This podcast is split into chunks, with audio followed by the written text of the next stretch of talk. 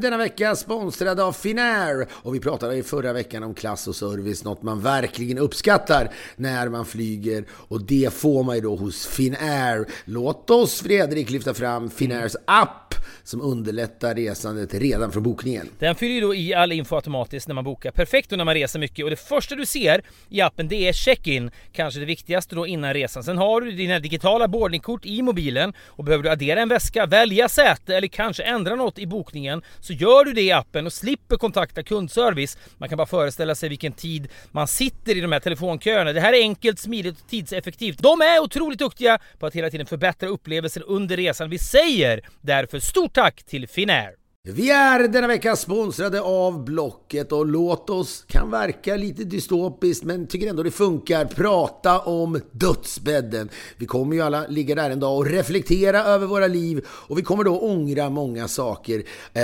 bland annat att vi inte köpte den där drömbilen som fanns i våra tankar under så många år. Ja, men kanske den där opraktiska sportbilen då som var en dröm från barnsben. Sen blir man vuxen med barn och så får man inte köpa en sån där bil. Men man skulle fan bara ha gjort det så att man inte ångrar det när man ligger där då, för på Blocket finns då bilar för alla med Sveriges största utbud av bilar till salu från privatpersoner som såväl bilhandlare. Gå in på blocket.se slash bilar och köp drömbilen på Blocket. Vänta inte så kan man då bocka av den på dödsbädden i alla fall. Det tackar vi Blocket för! Vi är denna vecka sponsrade av DPJ Workspace. Eh, det är ju din partner då för kontorsmöbler och inredning sedan 1995. Köper du en stol eller ett bord eller vad det nu kan vara i år, 2024 alltså, så har du garanti till och med 2034. Vilket innebär, Fredrik, hur många års garanti då? Det är 10 års garanti, det är ett decennium. Kan man säga något annat än att de vet att det är hög kvalitet på sina grejer? De har otroligt mycket snygga och bra produkter. Allt ifrån snygga designstolar till belysning och loungemöbler. Alltså ett komplett utbud, helt enkelt med riktigt schyssta grejer. De ska hålla länge, det ska vara snyggt och det ska funka bra för alla typer av behov som finns. Och har man funnits sedan 1995 som DPJ har gjort så kan man sannoliken sin grej. Gå in på dpj.se och läs mer. Vi säger stort tack till DPJ Workspace.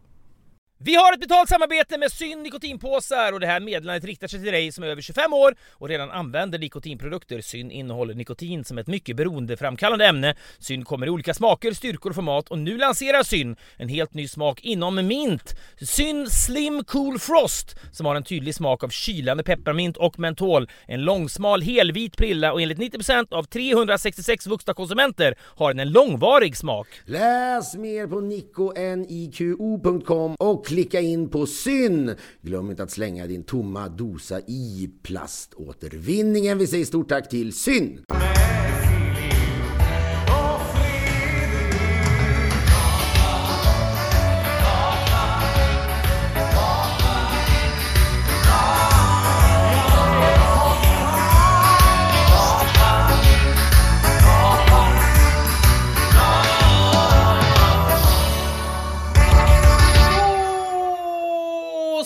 Välkomna till Filip och Fredriks podcast denna stund i veckan när ingenting får störa, när det är flight mode på telefonen, där familjen är utestängd och man bara får ägna sig åt varandra. Det är egen tid. Sånt kommer ni yngre lyssnare att bli varse vad det innebär och lyxen i att få stänga ute allt man har i sin närhet som man vanligtvis är så tacksam för. Det behövs stunder i livet när det bara är jag och Filip och nu är det en sån stund och jag undrar hur det är med dig. Nej, men det är ganska bra tycker jag ändå. Jag vet inte, jag eh, gått in i någon slags, heter det idle va? På, på, på, eh, på engelska tror jag. När nå- någonting bara är overksamt. Ja men som, som eh, kontexttorsk vill jag klargöra att idle inte stavas som American Idol, ja, det vill säga idol, utan IDLE, det vill säga att datorn är i vilaläge typ. Det är väl lite det. Mentalt kanske man är det, fast inte riktigt ändå. Men det pågår ju ändå grejer. Ja, men jag vet, men jag känner förhoppningarna om att, som det här vi pratade om, nu, nu det är svårt att inte dra in tiderna eh, vi lever i, men det, det är någonting mer att man går ner och, eller i mitt fall då, går ner från sovrummet ner till köket. Och jag, har, jag hyser inga förhoppningar om att det ska ha hänt någonting eh, som på allvar eh, liksom ruskar om en på något sätt. Men vet du vad det är? Är det inte så att man har skruvat ner förväntningarna på dagen? När man vaknar på morgonen så slår man upp ögonen. Jag minns att jag läste en bok om Jerry Seinfeld för, inte vet jag, kanske var det hundra år sedan jag läste den. Har, du har väl inte bara läst en bok om Jerry Seinfeld? Du har väl läst sju? Jag skulle säga att Jerry Seinfeld är en av dem jag har läst en bok om. Faktiskt inte mer. Det kanske, jag kanske fick avsmak av den för den var inte så jävla rolig och han är ju stentrist. Såg du honom i vi har pratat om den flera gånger, men vi kan väl ändå alltjämt rekommendera den The Last Dance, som är då en dokumentär, jag tror i Sverige finns det på Netflix, mm. där då eh, man följer framför allt Michael Jordan, eh, men även då Chicago Bulls när de jagar sin eh, sjätte NBA-titel, ja. tror jag. Mm. Men då, det, det är ju naturligtvis kul när man ser gamla arkivar på vilka som var vilka kändisar var heta på den tiden. Ja. Man ser en så här, ung Drew Barrymore som sitter i publiken och mm. en ung Chris Rock och så vidare. Ja. Det var så jävla svårt att få biljetter. Men då, när det, jag var ändå i chock när jag när jag hörde att de, vi, de alltså i omklädningsrummet tittar de på Seinfeld då, ja. eh, under den här perioden. Ja, men det, var, ja, men, här, det, var ju, det pikade ju då, det var inför deras sista säsong tror jag, 1998, när alltså Michael Jordan gör sin sista säsong i Chicago Bulls, Jerry Seinfeld gör sin sista säsong av Seinfeld, så de var väl väldigt mycket i ropet de här två männen just då, och i en sekvens i den här dokumentärserien så kommer då, från 1998, så kommer Seinfeld in, morsar på Michael Jordan och står och är liksom, han förstår ju sin plats, han förstår att här kan jag inte vara alfahane, för det har jag inte en chans att vara här. Jag kan vara lite halv syrlig. Det är lite kul när han pekar på någon avancerad eh, playmodell. Jag visste att du, ja, skulle, jag visste att du skulle tycka det var Han ska gå ut därifrån så, så äh. oh, och så säger han that won't work. För, äh. Jo, det är kul! Så jävla tråkigt! Fattar tittarna vad det var exakt det jag tänkte Fattar såga. Fattar vad jag ens pratar om nu? Det sitter alltså uppe på, på deras griffeltavla massa olika spelmodeller som är helt obegripliga för en lekman. Att han då pekar på en av dem när han går ut och säger that won't work. Det är ju kul i all enkelhet i flykten. Det är inget skämt han har slipat på i sex månader. Jag blev så irriterad för att jag tyckte det var så jävla basic. Hade du slängt ur dig det så hade du gått och liksom brummat av välmående när du rörde i kulvertarna under Chicago-stadion. Jag hade frågat dig, det där funkar väl? Det där funkar väl? Det gillar de alltså. Såg de Jordan garvade eller? Ja, Men det, han, det, det, som är fascinerande med Jerry Seinfeld är att han är nästan, han är ovanligt oälskvärd som människa? Ja, lite. Ja, han, det, det, är hans problem. Han har säkert många.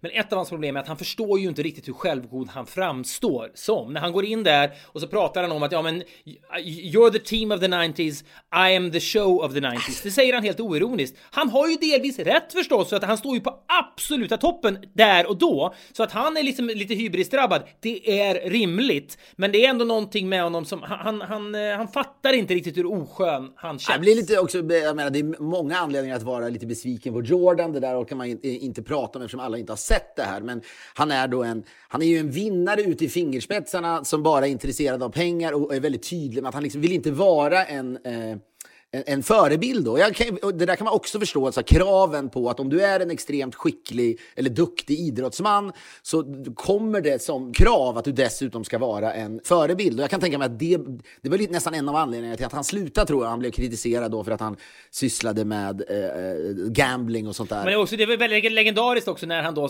han hade chansen att supporta en, en svart senatorkandidat inför ett val som, som mötte då en vit rasist i Chicago, eller Illinois då. Och alla bad honom... Nej, North Carolina. North Carolina var det kanske. Du måste supporta nu den här svarte killen så kommer han att vinna. Och då så, som då var demokrat och han mötte den rasistiska republikanen. Och då sa Michael Jordan, på skämt hävdade han själv, Republicans buy sneakers too. Det vill säga, jag kan inte alienera hälften av mina potentiella kunder som ska köpa mina skor som jag ger ut. Därför tänker jag inte säga någonting. Han valde pengarna snarare än att ge sig in i politiken då och bli ännu mer av en förebild. Men jag förstår någonstans, jag tror lite på Jordan att det där var sagt i farten. Kanske. Jo, men det var det också när Jerry, när Jerry Seinfeld säger that won't work om en spelmodell på en griffeltavla är också sagt i farten. Därför måste du ha förståelse för att det skämtet är kul. Jo, men det är ju helt okontroversiellt det han sa om det där. Jag vet Tarvar ju en förklaringsmodell. Ja, men det var väl Jerry Seinfeld, liksom super basic, går in och, ja, och är Hasse Bronténig. Om vi nu ska Kanske. dra En vanlig svensk ståuppkomiker när han går dit. Ja. Ingen kritik ja. mot Hasse Brontén. Jag menar att Hasse Brontén också är kapabel till att göra den där observationen. Men vet du vad, det är du också! 70% av alla svenska ståuppare skulle gjort samma observation där inne. Ja, och du! Ja, jag skulle nog varit mer skruvad tror jag. Jag undrar det. Skitsamma. Ja,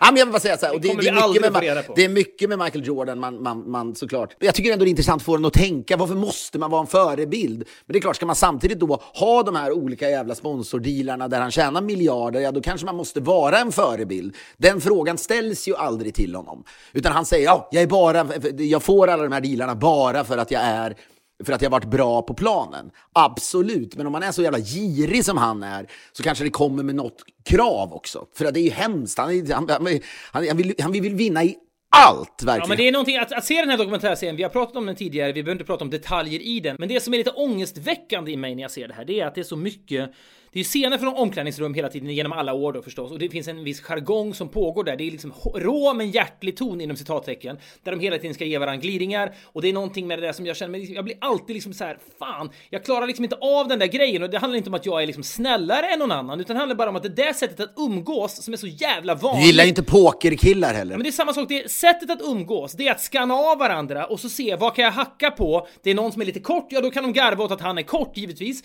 Och det, det är liksom hela tiden den grejen. Det, det stod mig bara i helgen för då var jag ute och spelade nio Ja, vänta, får jag bara säga, men det finns ju också det finns en sån jävla skräckväldekänsla. Det gör ju dokument, dokumentärserien inte bra på alla sätt och vis.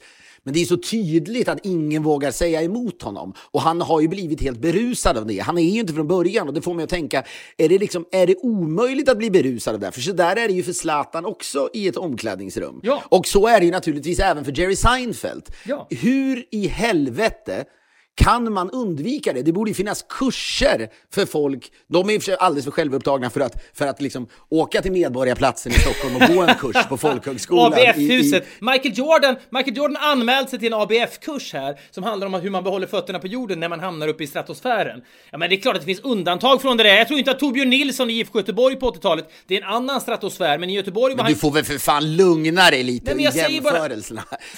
jag säger bara att det finns olika stratosfärer. Det finns var den sämsta, du som är så Ja, bra på jämförelser. Jag säger, det finns olika stratosfärer. Det finns en 031 stratosfär som Torbjörn Nilsson var längst upp i 1982 till 1987 typ när de vann Uefa-cupen två gånger. Han var väl den mest älskade människan som gick ett par skor i Göteborg. Han behöll sitt jobb som kock i Jonsered eller vad fan han kommer ifrån hela tiden. Det går, han, där var han ju ändå älskad. Jag förstår att det är skillnad på att vara Michael Jordan och vara Torbjörn Nilsson, men båda är i stratosfärer ändå. Men det jag skulle bara säga om Michael Jordan som gör mig lite besviken är att han är han är för trevlig mot Jerry Seinfeld. Han kunde ha kört över honom fullständigt. Dra härifrån, din jävla idiot!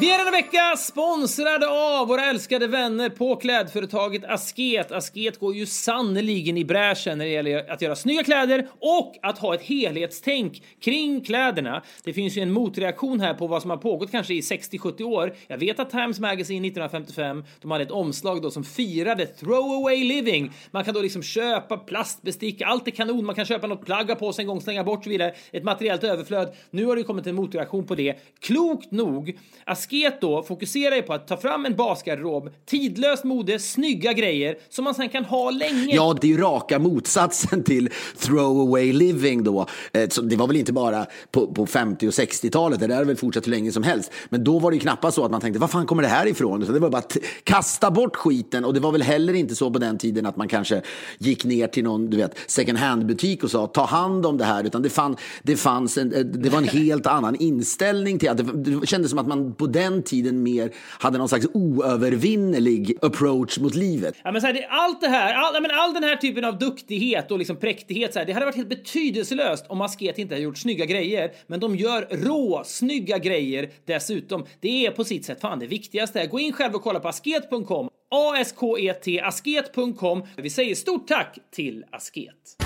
Vi är denna vecka sponsrade av våra kära vänner på Tradera, Sveriges största cirkulära marknad. Man kan liksom alltid lita på Tradera-tjänsten när man går in där. Det har blivit mer och mer för dig och mig. Man går in och så finns det en värld att upptäcka där. Nu är det vår, det blir mer och mer ut och röra sig trots de här märkliga tiderna. Man kan ju ändå göra det. Vad var det jag sa förra veckan när vi pratade om Tradera? Jo, man blir aldrig besviken. Inte minst då nu, eh, vi får väl se vad det blir för sommar, men när man, när man går mot sommaren, utöver att man ska ha härligt och må bra, så är ju också sport någonting man kommer ägna sig mer åt. Jag ska ju då, jag vet vad du tycker om detta. Sue me, men jag ska ju då börja spela padeltennis mer och mer. Jag tycker att detta är väldigt, väldigt kul. Det har varit lite skadedrabbat för mig. Men ett sånt racket, jag vet inte vad jag ska göra. Där finns det då en myriad av alternativ då. Dessa racketar som jag då kan hitta på Tradera. Jag tycker att det är så jävla härligt att gå in där. Man vet att man kommer att hitta någonting man vill ha. Det är också bra för hela det cirkulära systemet och så vidare. Och vill man sälja något så är det också kanon. Då får man pengar i plånboken. Vi säger stort tack till Tradera.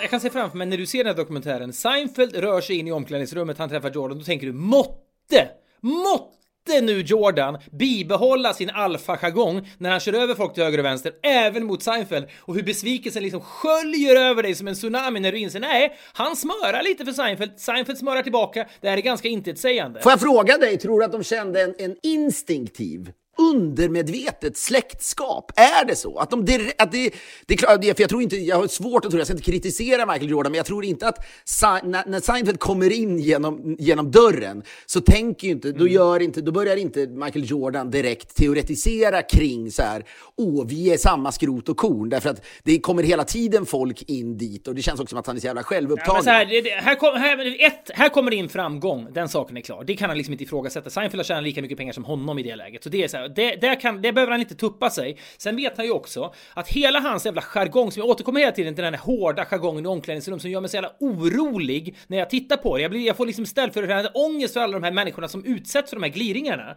Men han inser ju också att om han ska försöka ge en gliring till Seinfeld, då är ju chansen väldigt stor, eller risken, att Seinfeld efter år efter år efter år på stand, i standup-cirkusen kommer att kunna hantera det verbalt på ett bättre sätt och tvåla till honom tillbaka. Han I ju... Jerry Seinfelds hölster så att säga, mm. så ligger då resultatet av liksom, tre, alltså inte tre, två decennier av crowdwork. Ja, exakt så! Han har blivit häcklad i sina tidiga dagar, han har lärt sig hantera liksom gliringar från scenen med en strålkastare i ansiktet. Det är klart att om, om, om Michael Jordan skulle börja hacka på hans frisyr eller hans längd, då skulle ju Seinfeld smälla tillbaka på, utan, det, han kan använda vänsterhanden för det. Han behöver liksom inte ens anstränga sig. Det vet Jordan om. Därför blir det här ett ganska intetsägande möte. Jag måste, nu är det, det här är, det jag vet inte varför det känns svårt för att man alltid ska dra upp Muhammad Ali. Men det är någonstans fascinerande ändå när man så här, ja, du kan ju hans historia mycket, mycket mer än, än, vad jag kan. Men han blir mycket, mycket mer för mig en, en, en unik ikon eftersom han vågar. Han, så här, alla de här människorna jämför sig med, med eh, Muhammad Ali, eller framför allt pratar om honom som eh, deras idol. Och då tänker man, ja, då kanske man borde inspireras av honom eller försöka vara som han är. Ja, men det är lustigt det, det, att det är just Seinfeld och Michael Jordan som möts i den här sekvensen. Det ser ut lite grann som en tanke så här i efterhand, för båda de två var ju våldsamt opolitiska. Jag säger inte att man måste vara det för att vara en skicklig basketspelare eller ståuppkomiker. Ja, men för att bli en ikon, för att bli någon som man beundrar ännu mer. Ja, verkligen, men de, de, liksom, de, sli, de slingrade sig igenom liksom olika liksom fällor hela tiden och, och minfält. Det är klart att båda var kontroversiella på olika sätt kanske, men inte alls på någon slags major nivå. Det kostar dem inga endorsement deals, så att säga. Nu blir det mycket engelska här, men de är liksom, de är produkter av 90-talet båda två på något sätt. Man behövde inte vara så jävla politisk, man skulle mest vara liksom en skön syrlig kommentar och blåsa ja, men det är på. Jag, och jag bara kände så helvete vad man respekterar Muhammad Ali. Men det känns som att de, många av de där andra storstjärnorna som är opolitiska, de pratar om honom som en idol, men de vägrar på något sätt se vad det var som var så unikt med honom. Det, jag, jag läste någonstans, jag kan absolut inte citera honom, du kanske känner till det, men han någonstans liksom, när han pratade om boxning så sa han ändå att sporten är gjord för att vita ska få se två svarta slå varandra i en ring på något sätt. Han ja. pissar på alla som gillar boxning, eller alla vita som gillar boxning och så vidare. Det där skulle ju ingen av dem våga säga istället. Alltså, det, den, alltså, han var ju en modig jävel, den där mannen. Och en, alltså, han förtjänar det, ungefär. Filip Hammar, Muhammad Ali förtjänar respekt. verkligen. Där blev Filip kontroversiell. Där vågade Filip ja, jag vet, jag är bara så jävla, men jag blir någonstans ja, men sen, irriterad över folk. Han är liksom så här, han är världsmästare i boxning, han vägrar kriga i Vietnam för han tycker varför, jag liksom inte, jag blir sämre behandlad i det här landet, i USA på 60-talet, där det är segregation och det är liksom våldsamheter och det är liksom poliser som misshandlar svarta och så vidare. Varför ska jag då flyga över halva planeten för att skjuta ihjäl lite, lite nordvietnameser som inte har gjort mig någonting när jag har, när det är så jävla risigt här hemma redan? Han hamnar i fängelse för att han vägrar då, eh, att han vapenvägrar. Det där gör ju, alltså, det gör ju ingen. Ingen gör ju det, så det är klart att det är noll. Man kan ju bli provocerad när folk pratar om sina idoler. Nu har väl inte Jerry Seinfeld kanske pratade om Muhammad Ali som sin idol, men det är så här, om någon skulle fråga Jerry Seinfeld vad tycker du om Muhammad Ali? Kanon. Så skulle han ju prata om att, hur, hur fantastisk han är. Ja. Så att, men det där är, även å andra sidan så blir den där dokumentären nästan lite bättre av att man får stifta bekantskap med en människa som är helt opolitisk och står för det. det han, han backar ju aldrig och säger jag vet, jag borde ha, jag borde ha varit bättre på det där. Det, det är Ja, det, är väl, det är ju egoism i sin renaste form ja. någonstans vi snackar om. Och där som du säger, det ser ut som en tanke. Men det är också någonting med, med den här, liksom, det den där dokumentären väcker i mig. Så, de, det, I helgen så var jag då och spelade nio hål golf med vår gemensamma vän Alexander Kronlund och när jag kommer in från den här ganska risiga golfrundan som det ofta är så är jag då lite, halvtrött och liksom lite dåligt humör. Det är lite för kallt för att spela egentligen. Och då så kommer Anders Timell in. Han har också spelat golf den här dagen. Han har säkert spelat en längre runda än jag. Han kommer in och jag förstår instinktivt och det här har liksom lite grann med Michael Jordan-dokumentären att göra och den typen av jargong som, som försiggår i de, den typen av omklädningsrum som då eh, dokumentären skildrar. Nu kommer det bli gliringar här, för det är så man umgås här på, i, i klubbhuset på golfbanan. Och, han, och jag får liksom en, det är som att tiden går i slow motion för Anders Timell, det här säger jag, det är ingen diss av honom, det är bara att så, så häng, så umgås väl han. Det är väl så liksom hans kompisar pratar med varandra bara. Han, han liksom tittar av mig, skannar av mig och det känns som att man är liksom att det är Terminator som liksom, du vet, glider över kroppen och sen så, så lyser det rött uppe vid mitt hår, för mitt hår är lite rufsigt. Och då, då, då nöjer han sig med det och säger, jaha, har du haft keps eller? För att jag är lite rufsig i håret då.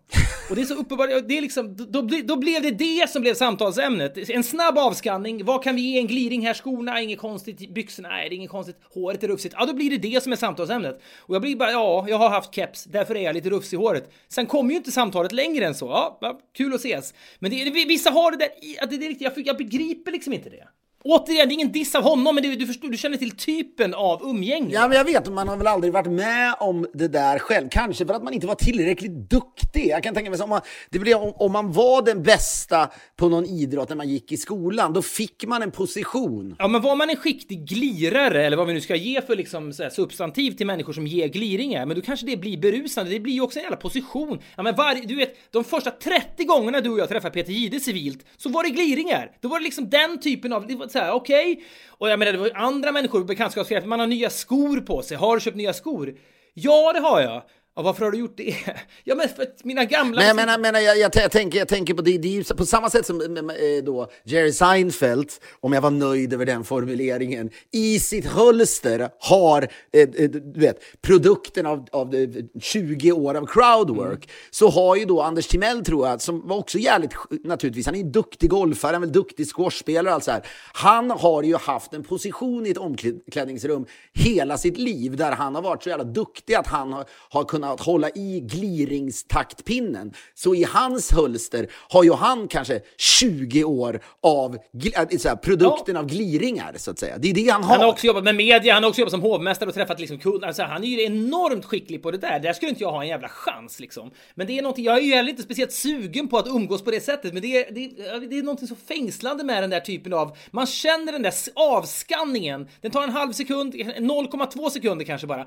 En helkroppsskanning. Vad finns det för angreppspunkter? Frisyren i det här fallet, ja då blir det det. Är det något liksom, har man lite för grälla byxor på sig, då kan det bli det. Men det är någonting med det som är så Ah, utmattande. Får jag bara fråga då, du sa att jag läste en bok, eller en gång jo! en bok om Jerry Seinfeld. Ja, men det jag skulle komma till, jag läste då en bok om Jerry Seinfeld när han då, hela vinkeln på boken var att Jerry Seinfeld kanske hade varit scientolog, eller åtminstone flörtat med scientologin back in the day. Och det gjorde att jag blev tillräckligt intresserad för att köpa den här boken. Den var den bedrövlig, men jag läste den väl ändå. Men enligt den här boken då så börjar Jerry Seinfeld, åtminstone förr i tiden, varje dag med att han slår upp ögonen, då tänker han för sig själv lights, Sen sätter han sig upp i sängen, ser sig omkring i rummet.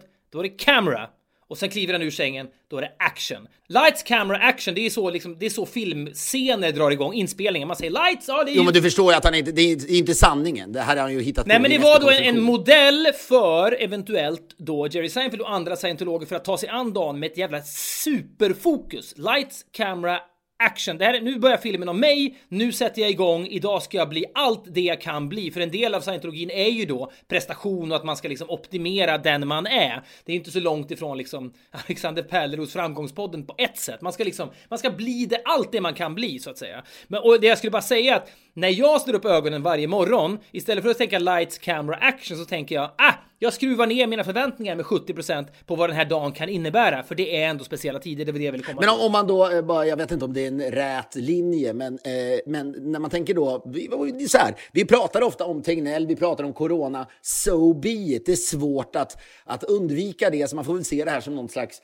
det blir, blir ju någon, någon slags berättelse, alltså vår berättelse åtminstone av hur vi uppfattade den här coronan, om det är någon jävel som är intresserad av att lyssna på det om 20 år, jag har ingen aning, eller om 10 år. Eller när the, när the Last Dance görs om 20 år och de då liksom gräver fram de här poddavsnitten, då är det då, det är alltså The Last Dance av vår podcast. Då kommer man att kunna använda det här som ett slags dagbok. Men jag skulle säga för att jag tänker då att Tegnell är väldigt, det här nu, jag har ingen aning, men känslan är ju att han precis som du är inte jättesugen på den här typen av jargong som existerar i ett omklädningsrum. Han kanske aldrig Oerhört svårt varit... att tro att när, när Tegnell kliver in på Folkhälsomyndigheten, att han då skulle liksom bränna av någon gliring till receptionisten journalisten som kanske är lite knullrufsig eller, du vet, det, det, kan ju inte hända. Nej, och han skulle heller aldrig gå in på en dyr golfbana i norra Stockholm överhuvudtaget så att säga. Han undviker ju, ja, här, han undviker ju platser där den här jargongen frodas. Ja. För egentligen skulle ju så här, Jerry Seinfeld, ja absolut, han var hetast då. Det är ju om, om Tegnell skulle kunna kliva in i Chicago Bulls omklädningsrum också. Så, att han, så stor är han nu. Men det hade ju blivit, han hade ju inte tittat på spelmodellen och sagt det där kommer inte funka.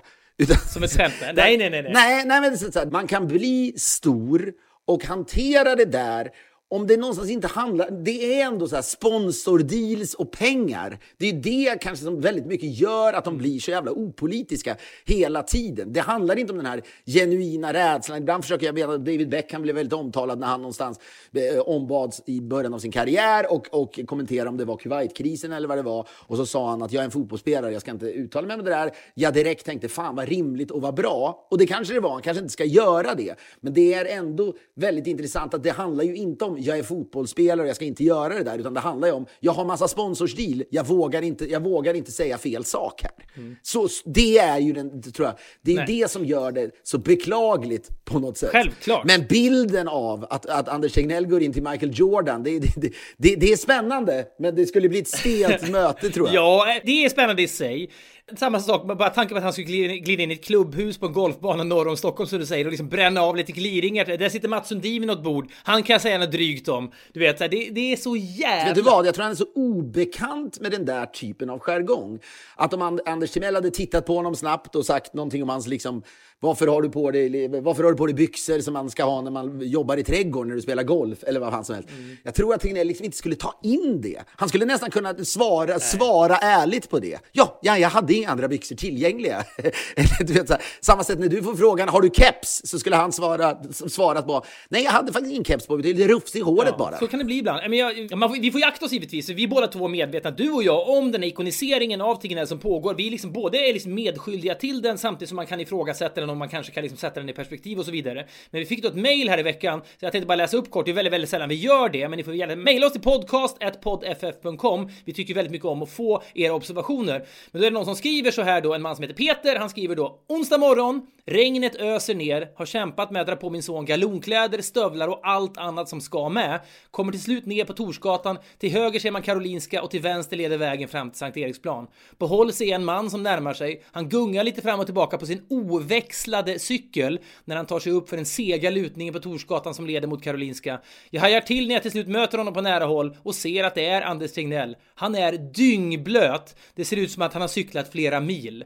Det är någonting med den bilden att cykeln är oväxlad och jag vet inte. Ja, jag tycker att just att cykeln är oväxlad är för mig det centrala och på någon, alltså någonstans så ringar det in varför Tegnell är så populär. Mm. Det kan låta larvigt och det är väl en, en, en, typisk detalj som du och jag kan förlora oss i. Andra kan ha helt andra åsikter om varför han funkar. Men det är någonting, hans ojargongiga stil, det går ju, nu de räta linjerna, men den går ju även till den oväxlade cykeln. Han, det, alltså, det känns ju som att han är en framkarvad, perfekt ledare under en kris. Ja, men jag tycker så här, det viktiga, det viktiga är att om man ska prata om den här mannen som vi gör nu, då gäller det att fylla på med nya detaljer. Annars blir det bara ett jävla ältande om vem han är. Jag tycker att den här oväxlade cykeln, som vi då helt förlitar oss på Peters observationsförmåga, att den är oväxlad. Men man vill ju att den ska vara oväxlad också. Men en annan detalj som... Älskar Peter! Jag älskar också Peter för att han ser detta. Och en annan detalj då som bara skedde tidigare idag var att man då fick i sitt flöde att Anders Tegnell då har deltagit i The Daily Show, som givetvis under coronatiden när programledaren Trevor Noah sänder hemifrån, är ju någonting annat än den här liksom uppskruvade, liksom publikjubliga tillställningen det vanligtvis är. Men lik förbannat är det The Daily Show som är ett prestigeprogram då att medverka i. Då har Anders Tegnell blivit intervjuad där och man vet ju att hade du och jag blivit, eller vem fan som helst som hade blivit tillfrågad att vara med som en liten svensk att medverka i det där programmet, då hade man liksom ritat sin dag runt den medverkan. Okej, okay, vad ska jag göra imorgon? Vi hade kontaktat Datamange som jobbar på vårt företag som han lite slarvigt kallas och säga var finns den den bästa linan för att göra den här skypen eller vad det nu är med honom. För Exakt så. Jag, jag blir så jävla... Man vaknar på det- morgonen, lights, camera, action. Då sätter man sig upp med, med högt, högt uppskurna förväntningar. Mycket mer än en vanlig coronadag, för idag ska man få vara med i The Daily Show. Trevor Noah är inte lika cool som Jon Stewart när han ledde det. Skitsamma, jag ska vara med i The Daily Show. Det sker klockan tre. Jag vågar inte rita in någonting annat i schemat innan. Jag vill inte bli sen. Efteråt, vi får se hur jag mår. Det, det viktigaste är att det här blir av. Ingenting annat behöver hända den här dagen. Så hade alla andra hanterat en sån medverkan. Jag tror, att vi, jag tror att vi pratade om det förra veckan, om, alltså, jag är fascinerad av att han gör en... Och jag tycker det är härligt, men jag, jag undrar hur, hur kommer han orka? Men han gjorde i förra veckan någon slags... Då, han svarade på läsarnas frågor i Borås Tidning. Och det som är så härligt med honom, jag tror att det är en av anledningarna till att man, åtminstone du och jag är så fascinerade av honom. Återigen, folk är fascinerade av olika saker. Men han behandlar ju Borås Tidning och The Daily Show på exakt samma sätt. Ja. Och jag kan förstå att det är en del av varför det blir lite provocerande också för resten av världen. Det är inte så att det sitter massa amerikaner och säger gjorde han det där på en, på, bara på en tågstation, den där intervjun? Nej, men man märker ju att, man märker att Trevor Noah reagerar i, i det lilla givetvis. Och you're on a train station? För Det är en självgod jävel, Trevor Noah. Ja, alltså, det är- Arbetsseger, han, är- han är populär nu. Det är, så, det är också så här oundvikligt, apropå när vi snackar om Jordan. Och så. Måste alla framgångsrika satiriker vara så jävla självgoda? Ja, det, är det ot- verkligen. otroligt. Men han reagerar ju också på att Tegnell sitter på en järnvägsstation. Hade han varit lite sen, då hade han suttit i taxin, då hade intervjun utspelat sig där och så hade han promenerat in på järnvägsstationen från taxin. Eller på den oväxlade cykeln. Eller på den oväxlade cykeln. Trevor Noah hade sagt, what are, what are you doing? Well, I'm just bicycling to work. Without gears. Ja, men så här, don't you have car service? Ja. ja, ja, men det är klart, har du inga livvakter omkring det? Men det är någonting att han sitter där, det, nu är det det här som ska ske, han blir uppringd, just det, vad var det nu jag, Trevor Noah, okej, ja just det, och så är han rakt in i det, så är han i den zonen, pratar jättehärliga engelska, bra ordförråd, nu ikoniserar vi ihjäl honom här, men det är lite folk i bakgrunden, det är lite kaos. Han är väldigt, han är väldigt mycket, alltså han låter ju väldigt svenskt, men jag håller med dig om att ordförrådet är otroligt. Ja, det- Men det är ett ordförråd som också, det ordförråd han har i sitt hölster Mm. är ju produkten av att han har jobbat med någonstans, med interna, på en internationell nivå, jobbat med medicin i så många år. För det är ju många termer som, som springer ur formuleringar kring Men olika på virus. samma sätt som att liksom Anders Timell har 10 000 timmar av gliringar, Jerry Seinfeld har 10 000 timmar av crowdwork, så har ju också då Anders Tegnell 10 000 timmar av att prata med liksom tristare människor än Trevor Noah på engelska om olika typer av virus från ebola. Jag har en, ytterligare en observation i det här som jag gjorde. Du skickade det här till mig och det tyckte jag var väldigt härligt. Det var när jag, när jag vad var det du sa som förr? Lights, camera, action. Och det första jag gjorde den här morgonen var kolla min telefon och så såg jag då ditt mess om eh, eh, Tegnell och eh, Trevor Noah. Och jag, jag, sa, vi är väldigt synkade där så jag fattar, jag, liksom, jag omfamnade att du skrev att det var fascinerande direkt. Sen så har jag då, jag har tänkt det här hela tiden, han är ju med överallt i massa olika sammanhang. Det är inte alls ovanligt just nu att folk gör eh, eh, intervjuer på Skype. CNN har ju med alla jävla experter sitter i sin källare och det där kanske sker i Sverige också. Men Anders, Anders Tegnell är ju mycket mer på språng när han gör de här grejerna vanligtvis. Folk sitter ju redo Ja. i sina källare i timmar och har kollat linorna. Och jag, jag känner, det är något som är så fascinerande. Nu garvar jag åt min egen observation, det är fan så jävla självgott också. Jag vet inte om det är observationen jag garvar åt, men Är du självgodare än Trevor Noah? nej, alltså fy fan, jag klarar inte av honom. Det är ingen. Nej, jo, jo, det finns ju många, Det- Jerry Seinfeld exempelvis. Men Tegnell litar liksom på att han ska ha bra täckning. Jag menar, jag vet inte hur många gånger, jag hör alltid, du skriker om att nu är det något jävla edge-nät bara. Det har, det, det, det har jag ju hört, det har jag hört i tio år med dig när vi har rest runt. Men Tegnell står där, han reflekt, uppenbart så tänker han, ja det är väl bra, te-" eller han tänker inte ens det, men han utgår från att det är svinbra täckning inne på Centralen. Han går inte ens ut och kollar, kanske det är bättre utanför. Men Han var med i Aktuellt någon kväll, då satt han på ett tåg och rullade. Du vet, på tåg är det ju liksom notoriskt usel täckning. Det är liksom gå fram och tillbaka, in i någon tunnel, man är på edge-nätet och slingrar runt några minuter, sen tillbaka och så. Det är hopplöst. Men det är som att det är det mest liksom dödsföraktande. Han är liksom täckning dödsföraktande i sättet han hanterar sina intervjuer. Ja, men på samma sätt som att han förväntar sig, tror jag, eller hoppas då innerligt, och han, han, har ju, han har ju ett förtroende för svenska folket. Han hoppas att svenskarna ska, ska agera utifrån hans då rekommendationer. På samma sätt verkar han ha en oerhört förtroende, trots att det här handlar då om den privata sektorn och företag, att svenskar, eller eh, han, han förväntar sig bara att, att det ska funka. Ja. Han, han, är, han är inte orolig för det, för han tror i grunden på den svenska täckningen. Och det, det, så- Ja, men, och det gör, du gör ju det minst av alla jag känner. Ja, men jag, du är jag, ja, men jag blir, du vet, fy fan, jag var med i något radioprogram förra veckan och var ute och körde bil så var jag tvungen att säga, här har jag lite bra täckning, lika bra att jag stannar med bilen för säkerhets skull så jag vet att det inte bryts. Och då är det liksom Patreon-programmet Gott Snack som jag medverkar i. Det är inte så att jag medverkar i CNN eller med Trevor Noah, men jag vill ändå vara säker på, här är det bra täckning, lika bra att jag står stilla här då. Han sätter sig på ett jävla tåg när han pratar med Aktuellt. Det är unikt. Men det är ju, alltså det är ju praktexemplet på en täckning man inte kan lita på. Det är någonstans som man tror på en högre makt. Men vet du, det är också någonting på tågstationen, han kanske liksom kopplar upp sig på Espresso House, liksom gratis wifi, då, då funkar väl det? Men det, det, är, finns ju, det finns ju ett storkukslugn i det där naturligtvis. Att livet blir ju, han är ju mycket mindre neurotisk än vad du och jag är. Han, så här, han skulle ju också tänka, ja, ja, eller han tänker inte ens det, men skulle det strula med Trevor Noah så skiter väl han i det.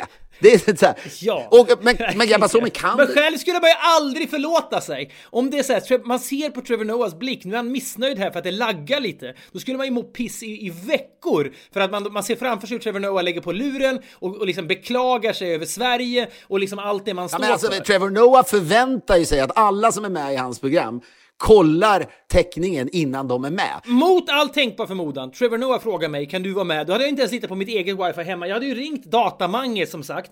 Har du någon 5G-dongel som ligger i absolut framkant? Som liksom, finns det en 5G-mast? Kan vi sätta oss nedanför den med en dongel? Så vi vet att vi har Sveriges bästa täckning så att inte Trevor Noah blir besviken. Så hade man Skulle, agerat. skulle du under en, en, en tågresa till eh, Göteborg få ett mess som då går fram till dig där det står Trevor Noah vill göra en intervju med dig om stämningarna i Sverige just nu, men han vill göra det nu, då skulle du dra i nödbromsen och kliva av Ja! eh, tåget. Kliva av tåget ja. Men, Och så kommer konduktören och varför drog du i nödbromsen? Ja, därför att Trevor Noah söker mig. Kommer du ihåg han? Det var väl någon, vad hette han? Det var någon gubbe som protesterade på 90-talet. Jag tror du skrev om honom på Aftonbladet. Han blev ett namn. ja, ja, ja, ja. Han, hette, han hette nu Latius eller någonting. Horatius någonting. Ja, Horatius eller något sånt. Han var då en, en, en självutnämnd filosof som plötsligt under någon tågresa, jag intervjuade honom när jag jobbade på Värnpliktsnytt, tror jag eventuellt. Då drog han bara i nödbromsen för att det var någonstans att han tyckte att folk hade så bråttom och att det handlade om vi måste Nej, jag, jag tror att så här. Han drog i nödbromsen och konduktören kom fram och frågade varför drog du i nödbromsen för? Det är en protest mot att tiden går. Om jag minns rätt. Vilket är ju otroligt... Tycker du att det håller som argument? Nej, det gör det inte. Men det håller som komiskt statement. Det håller att lyfta fram 25 år senare. Han hade kontaktat dig för att så här, du är expert på att, på att, att, att skapa vattentäta kontextualiseringar.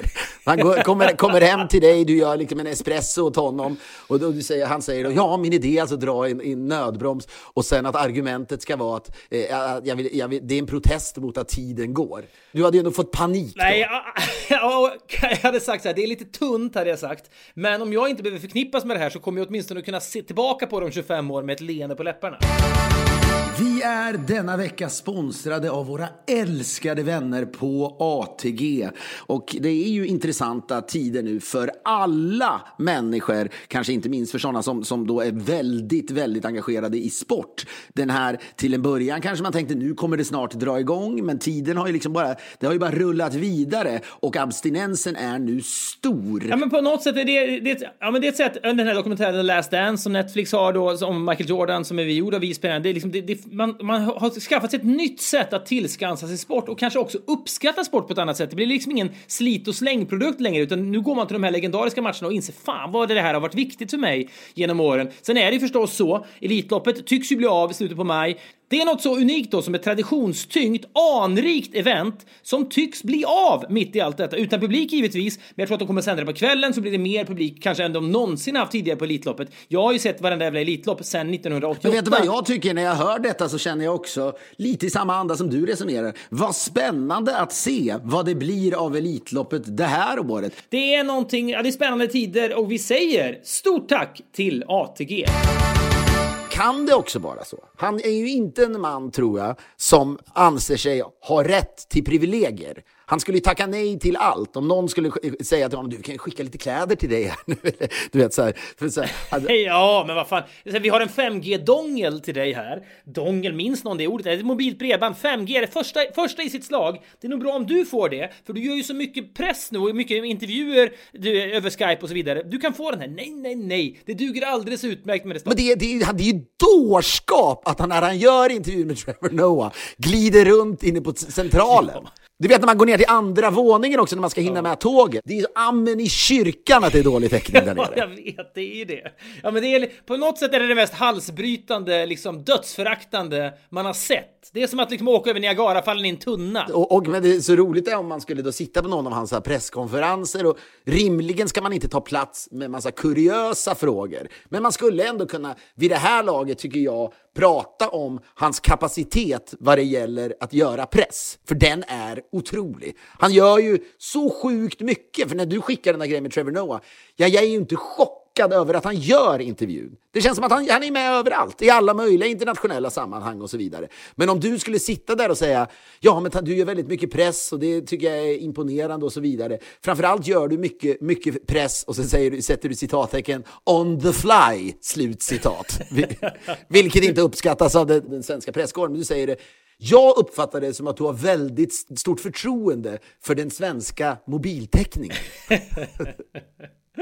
Men det är ju en det är fan intressant, för jag så här, vissa människor, han måste vara onevrotisk. För, och det är inte bara du, även jag är ju rädd för att det är dålig täckning så att säga. Sen är du kanske mer än andra. Men, ja, men så här, egentligen kan man, man, kan ju verkligen på ett sätt då, om vi nu bara eh, eh, avslutar kanske Tegnell-diskussionen med ett stråk av allvar då, liksom att på samma sätt som han är då är väldigt ifrågasatt och, och omtalad i världen. Vilken gambling det här är. Det har redan kostat en del, äldreboenden och så vidare. Det är många människor som har dött där. Han ansvarar inte för det. Nej, okej, okay, kanske borde de varit ännu hårdare sagt bara lockdown hela skiten. Liksom mura in äldreboendena så att säga så det inte kommer in någon där. Det kanske kunde varit hårdare absolut. Men han är ju omtalad för att han då är en gamblare kring detta och han måste vara uppenbart väldigt lugn i sig själv och tro på detta väldigt mycket. Det kanske går en linje från det lugnet på och självförtroendet då och självkänslan han måste ha i att tro på det han gör till att han också tror på andra saker som teckning och inte är neurotisk kring det. Att det kanske är en förklaringsmodell. Den lilla, lilla, lilla löjliga detaljen han litar på svensk teckning. Ja, det är givetvis bara ett poddämne. Det är kul att prata om mellan dig och mig och det är lite kuriöst. Men det kanske ligger en större sanning i det. Det kanske också är en förklaring till varför han kan vara så stoisk när han står där och ifrågasatt av en hel värld. När det enkla hade varit att säga vi gör som alla andra. Vi rekommenderar, även om det är politikernas beslut, vi stänger ner allt. Det är det krävs ju liksom en väldig tro och en nevrosfrihet att säga nej, vi ska göra på ett eget sätt, även om det då riskerar att döda 40, 50, 60 tusen mer människor här än i våra grannländer, som det hade kunnat gå. Men jag undrar om, om det, det också finns där en, en, en rät linje igen till varför det blir så provocerande då för vissa med Sverige. För att så här, väldigt många svenskar, det är ju det är fler än han nu som har figurerat i internationella sammanhang eh, och varit med på BBC och Emma Frans, vår kollega, hon, väl, hon har väl varit med säkert i tio olika intervjuer på BBC och så vidare. Hon lägger upp då klipp från det på sin Instagram, vilket jag förstår. Helvete vad vi skulle lagt upp på vår Instagram och vi var med i BBC. Eller vad det nu det kan vara. får man säga. Men, men det där... Vi hade som sagt ritat vår dag runt Trevor Noah medverkan. Trots att vi hatar honom. Det är intressant. ja, verkligen. Det är sant, sant. Men som jag säger, men det där är det. Men anledningen till att vi skulle lägga upp det på vår Insta och anledningen till att Emma Frans lägger upp den på sin Insta, det, det, det springer ändå ur något slags mindervärdeskomplex. Inte för vad Emma eh, sysslar med och inte för kanske vad vi sysslar med heller, men att Sverige är ett litet land. Så titta vad spännande när man är med på de stora arenorna. Så är det ju ändå. Det, det som är med Tegnell är väl att alla arenor ser likadana ut, vare sig det är Camp Nou eller Domnarsvallen i Borlänge. Ja, han är helt liksom arenaneutral verkligen. Det är klart att du och jag blir intervjuade på Skype av Borås Tidningar, det lägger vi ju inte upp. Men skulle mot förmodan Trevor Noah eller vem fan, Anderson Cooper vill jag intervjua mig. Ska Tänk dig Bill Maher. Bill Maher, ja. Och så skulle jag få 20 sekunder av det, det jag dessutom kanske har tur att prata lite bra engelska. Då, då åker det rakt ut på Insta. Fick medverka hos Bill Maher häromkvällen. Eller vet du, tvärtom. Jag pratar dålig engelska och säger något fel. Det åker rätt ut på din Insta. Ja, precis, såklart. precis så. Nej, men det, det, det, det, det skiljer ju liksom Tegnell. Han är ju inte en produkt av sociala medier heller. Han är ju äldre gubevars. Men det är, han är helt arenaneutral. Det är inte mäktigare för honom att vara med Trevor Noah. Vet du vad han är? Man skulle säga så här skulle du formulera det på presskonferensen. Vi pratar mycket om eh, immunitet eh, just nu i Sverige och det är ju intressant. Låt mig nu lyfta på locket till en annan immunitet. Du känns, Anders, väldigt arena-immun. Verkligen! Det är precis vad han är. Det spelar ingen roll. Det är bara en, han har ju rätt på ett sätt. Det är bara en människa. Du och jag skulle skita på oss. Trots att vi föraktar Trevor Noah, om vi skulle få Skita på skulle vi fan inte göra. Där man skulle Nej, vara men vi peppad. skulle vara, vet du vad? Du, vi skulle vara precis som du. Ja, men det får mig att tro att du tror att du skulle vara liksom cool in hos Michael Jordan 1998. Jag behöver bara säga hur du beter dig runt Zlatan Ibrahimovic de gånger du har träffat honom. Du blir ju en annan då. Det blir det många som blir. Men på samma sätt blir man en annan när man tänker oj, Trevor Noah, nu står det någonting på spel. Ja, då är man liksom på samma sätt som man skruvar ner sina förväntningar med 70% varje morgon man vaknar nu. Då är man kanske bara liksom 30% av sin personlighet när man tycker att lite för mycket står på spel. Man vågar liksom inte ta ut svängarna alls. Men jag vill samtidigt då rycka ut till försvar för oss, för Emma Frans och för alla andra som mår bra och blir stolta över att vara med i en internationell kontext. För det är inte konstigt, Sverige är Mm. ett litet land och det där har, har vi byggt upp i åratal. Jag minns när man, det här har vi väl snackat om tidigare, du och jag jobbade på Aftonbladet. Det, David Letterman blev vald till någon så här, i årets internationella tv-personlighet på någon tv-prisgala som Aftonbladet hade. Och sen eh, någon dag efter så plockar Letterman upp den här jävla tidningen i sin show och skrockar och, och, kring att han då har valts till årets internationella tv-personlighet i Sverige. Ja.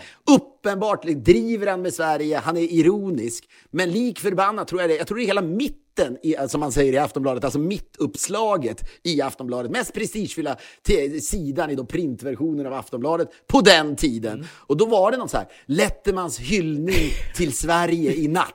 Ja, och till Aftonbladet givetvis. Ja, men det är sant. Det sitter syrliga människor på den här kvällstidningen. De förstår någonstans, om de verkligen tänker efter. Ja, det här är ju en superdiss av honom. Han ironiserar ju liksom. att Det är, lika, det är som att bli hyllad i Liechtenstein för honom. Han, bry, det, han kunde inte bry sig mindre, denna människa. Men kan det vara så att han då i grunden håller på att förändra den svenska självbilden? Att han gör ett jobb där också?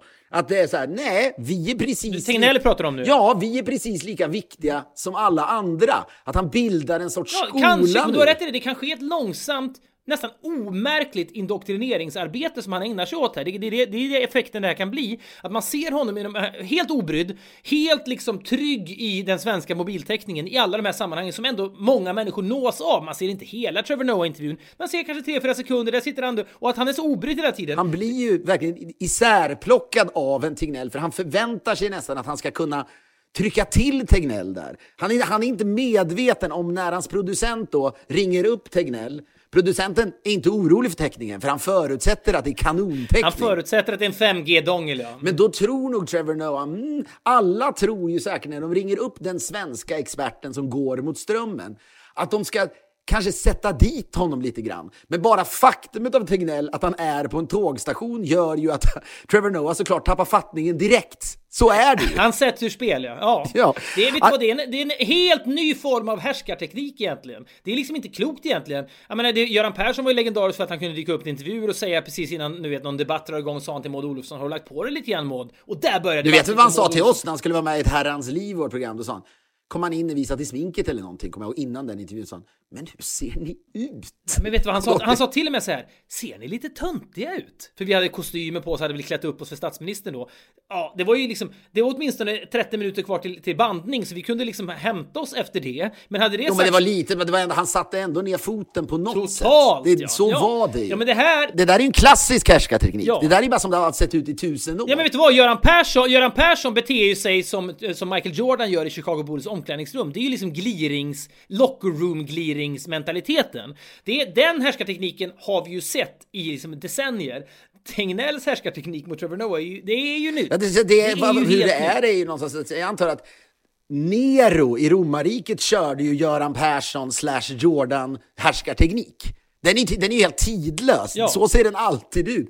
Det är lite, Gliring. det är lite som han har, upp, liksom Ja. han, har uppfunnit hjulet. Ingen har ju tänkt att det går att uppfinna en ny typ av härskarteknik. Men här plötsligt... Det är helt sant att Trevor Noah och alla med honom som intervjuar Tegnell tänker ja nu ska vi sätta dit den där svensken och så kanske de tycker att de gör det ibland, vad fan vet jag. Men framförallt sätts de ur spel i början. Vänta nu, är han on the fly? Vadå? Är det så? Är det här så oviktigt för honom? Har han inte ritat sin dag runt detta? Det gör ju att Tre- Trevor Noah tappar lite fattningen. Ja, men och det är ju intressant, men det är intressant när ett visst typ av mänskligt beteende har sett likadant ut i, år, i, i tusen år kanske. Från romarriket till eh, Anders Timell på en golfbana, till Göran Persson, till Michael Jordan. Ingen har nog ens tänkt att det där går att förändra. Och någonstans, jag, Tegnell tänker ju inte på det. Och det är ju, det måste man ändå säga, det är en sympatisk härskarteknik för att den bygger ju på alla människors lika värde och även alla institutioners, alla arenors lika värde. Det är unikt. Ja men det är också så att det, det är inte så att Borås Tidningar när de ringer upp honom för att göra en frågestund. De reagerar ju inte lika mycket som Trevor Noah gör i form av gör du det här on the fly? För de räknar nog inte med annat. Det tror jag inte. Så på så sätt så är, hamnar han ju direkt på samma nivå som Borås Tidningar. Men han tvålar liksom till Trevor Noah på ett sätt som Trevor Noah aldrig har blivit tilltvålad på. Och det älskar Får jag bara i en helt annan ände då? Av... men vet du vad, jag vill, jag vill bara på, återigen så att lyssnarna inte tänker fan vad ni tappar stinget. Så här är det. Han har en växellös cykel, det är nytt. Han han har uppfunnit en ny form av härskarteknik efter 3000 år av locker room gliring mentalitet. Det är också nytt. Och han ritar inte sin dag runt en Daily Show medverkan. Det är också nytt. Det är ändå viktigt att påpeka. Det har vi kommit till bordet med den här gången. Du och jag är vi är såna jävla slavar under att vara imponerade av Trevor Noah. Det är, liksom få, det är få i Sverige som skulle rita upp sin dag noggrannare kring en medverkan hos Trevor Noah. Du vet, fatta min mardröm om du berättar för mig, skickar ett mess. Ja, jag ska tydligen vara med i Daily Show. Alltså jag hade ju, jag vet inte, jag hade ju tagit livet Ja, av men jag minns, men det är som när vi satt i en bar för liksom tre, fyra år sedan kanske och Ylvisbröderna var med i typ Tonight Show eller något liknande. Ja, det var Fallon, ja, precis. Jimmy Fallon mest framförde What does a fox say? Och hela din kväll, du sjönk ihop som en sten på- på barstol. Vi hade en kanonkväll framför oss, ensamma i Los Angeles, barrunda, nu, du vet så här, nu ska vi ut och göra byn som Winnerbäck sjunger. Det här blir liksom en magisk kväll. Du sneglar upp på tv, men fan är Ylvis med hos Fallon? Och då föraktar du också Fallon lika mycket som du föraktar Trevor Noah. Ändå gick luften ur dig helt vid bardisken och kvällen var förlorad. Ja, så att jag, jag känner ju ett släktskap med alla svenskar, alltså de, inte Tegnell, som får uttala sig om coronakrisen i internationella sammanhang. Jag förstår att man vill berätta för världen om detta. Det är mänskligt, men kanske, det är inte nödvändigtvis positivt.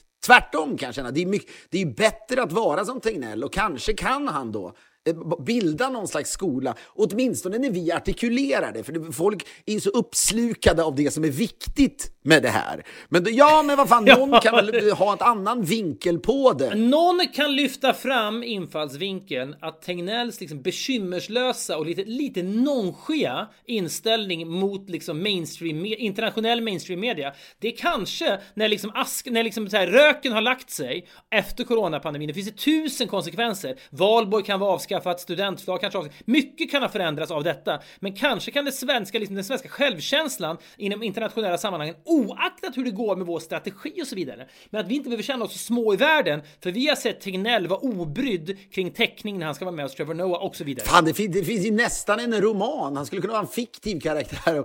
Världens mest... O, en man som heter Anders. Världens mest obrydda människa och eh, arena-immuna människa. Ja. Det, det är någonting att gå in i ett huvud på en sån, sån människa. Eller så är det inte så mycket att gå in i eftersom det, det är mer så an, andra som skulle tänka så mycket. Det hade varit gå in om han hade varit gift med en människa som är extremt, liksom, som bryr sig jättemycket om Trevor Noah. Alltså, då, det här har vi pratat om tidigare, men ett exempel på det här är också när jag då eh, får, eh, via en vän får så kallade floor seats på en Los Angeles Lakers-match.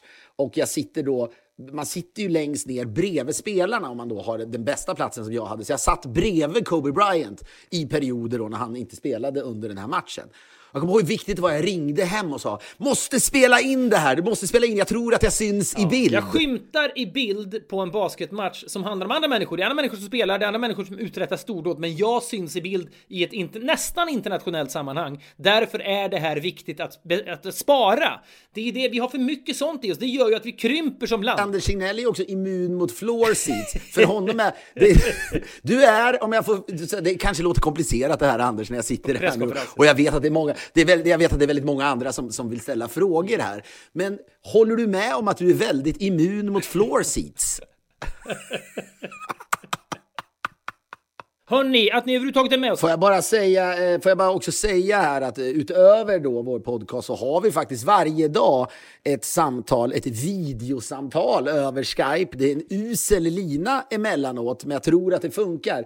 Eh, detta gör vi då i samarbete med Dplay. Det heter Ett glas öl och det sänder vi måndag till torsdag. Och om man signar upp sig då på Dplay så får man två, två veckors gratis abonnemang och det är inga, heller inga bindningstider och så vidare. Där har vi också väldigt kul. Det är en live podd varje kväll halv tio. Det är liksom en kort avstämning. Vi dricker en bärs och jag menar, folk tycks uppskatta detta. Det är någonting Det är väldigt besläktat med podden får man ju verkligen säga. Så gillar ni podden så tror jag ni kan uppskatta det också. Och förresten, apropå då att somliga av er verkar uppskatta det vi gör. Under stundom så läste jag ett gammalt blogginlägg som Jan Helin, Aftonbladets dåvarande chefredaktör, skrev den 4 juni 2010. Då skrev han så här. Idag provar vi något nytt, en så kallad podcast. Det är en slags dataradiosändning som Filip och Fredrik ska göra här under några, några veckor. Sen blev det då ett långt samarbete. Och det är alltså då den 4 juni i år så är det på dagen 10 år sedan. Det råkar också vara en torsdag i år, vilket är jättekul, vilket innebär att avsnittet som släpps den 4 juni kommer att vara på dagen 10 år sedan vi släppte vår första podd. Och på ett sätt, ingen av oss är speciellt stora nostalgiker, men det är ändå någonting med det avsnittet, 10-årsjubileet. Det var inte så jävla många poddar som fanns före oss. Det fanns säkert några, jag hade aldrig hört talas om någon. Vi är fortfarande going strong. Det känns som att man skulle kunna fira det på något sätt. Livepoddar är uteslutet för det är sådana här tider nu. Du kommer vara i LA, jag kommer vara här, men under de förutsättningarna vore det kul att göra något speciellt på den här 10-årsdagen. Har ni idéer om detta? Jag menar, hela den här podden har, vi, har ju skett i någon slags samklang och symbios med er lyssnare.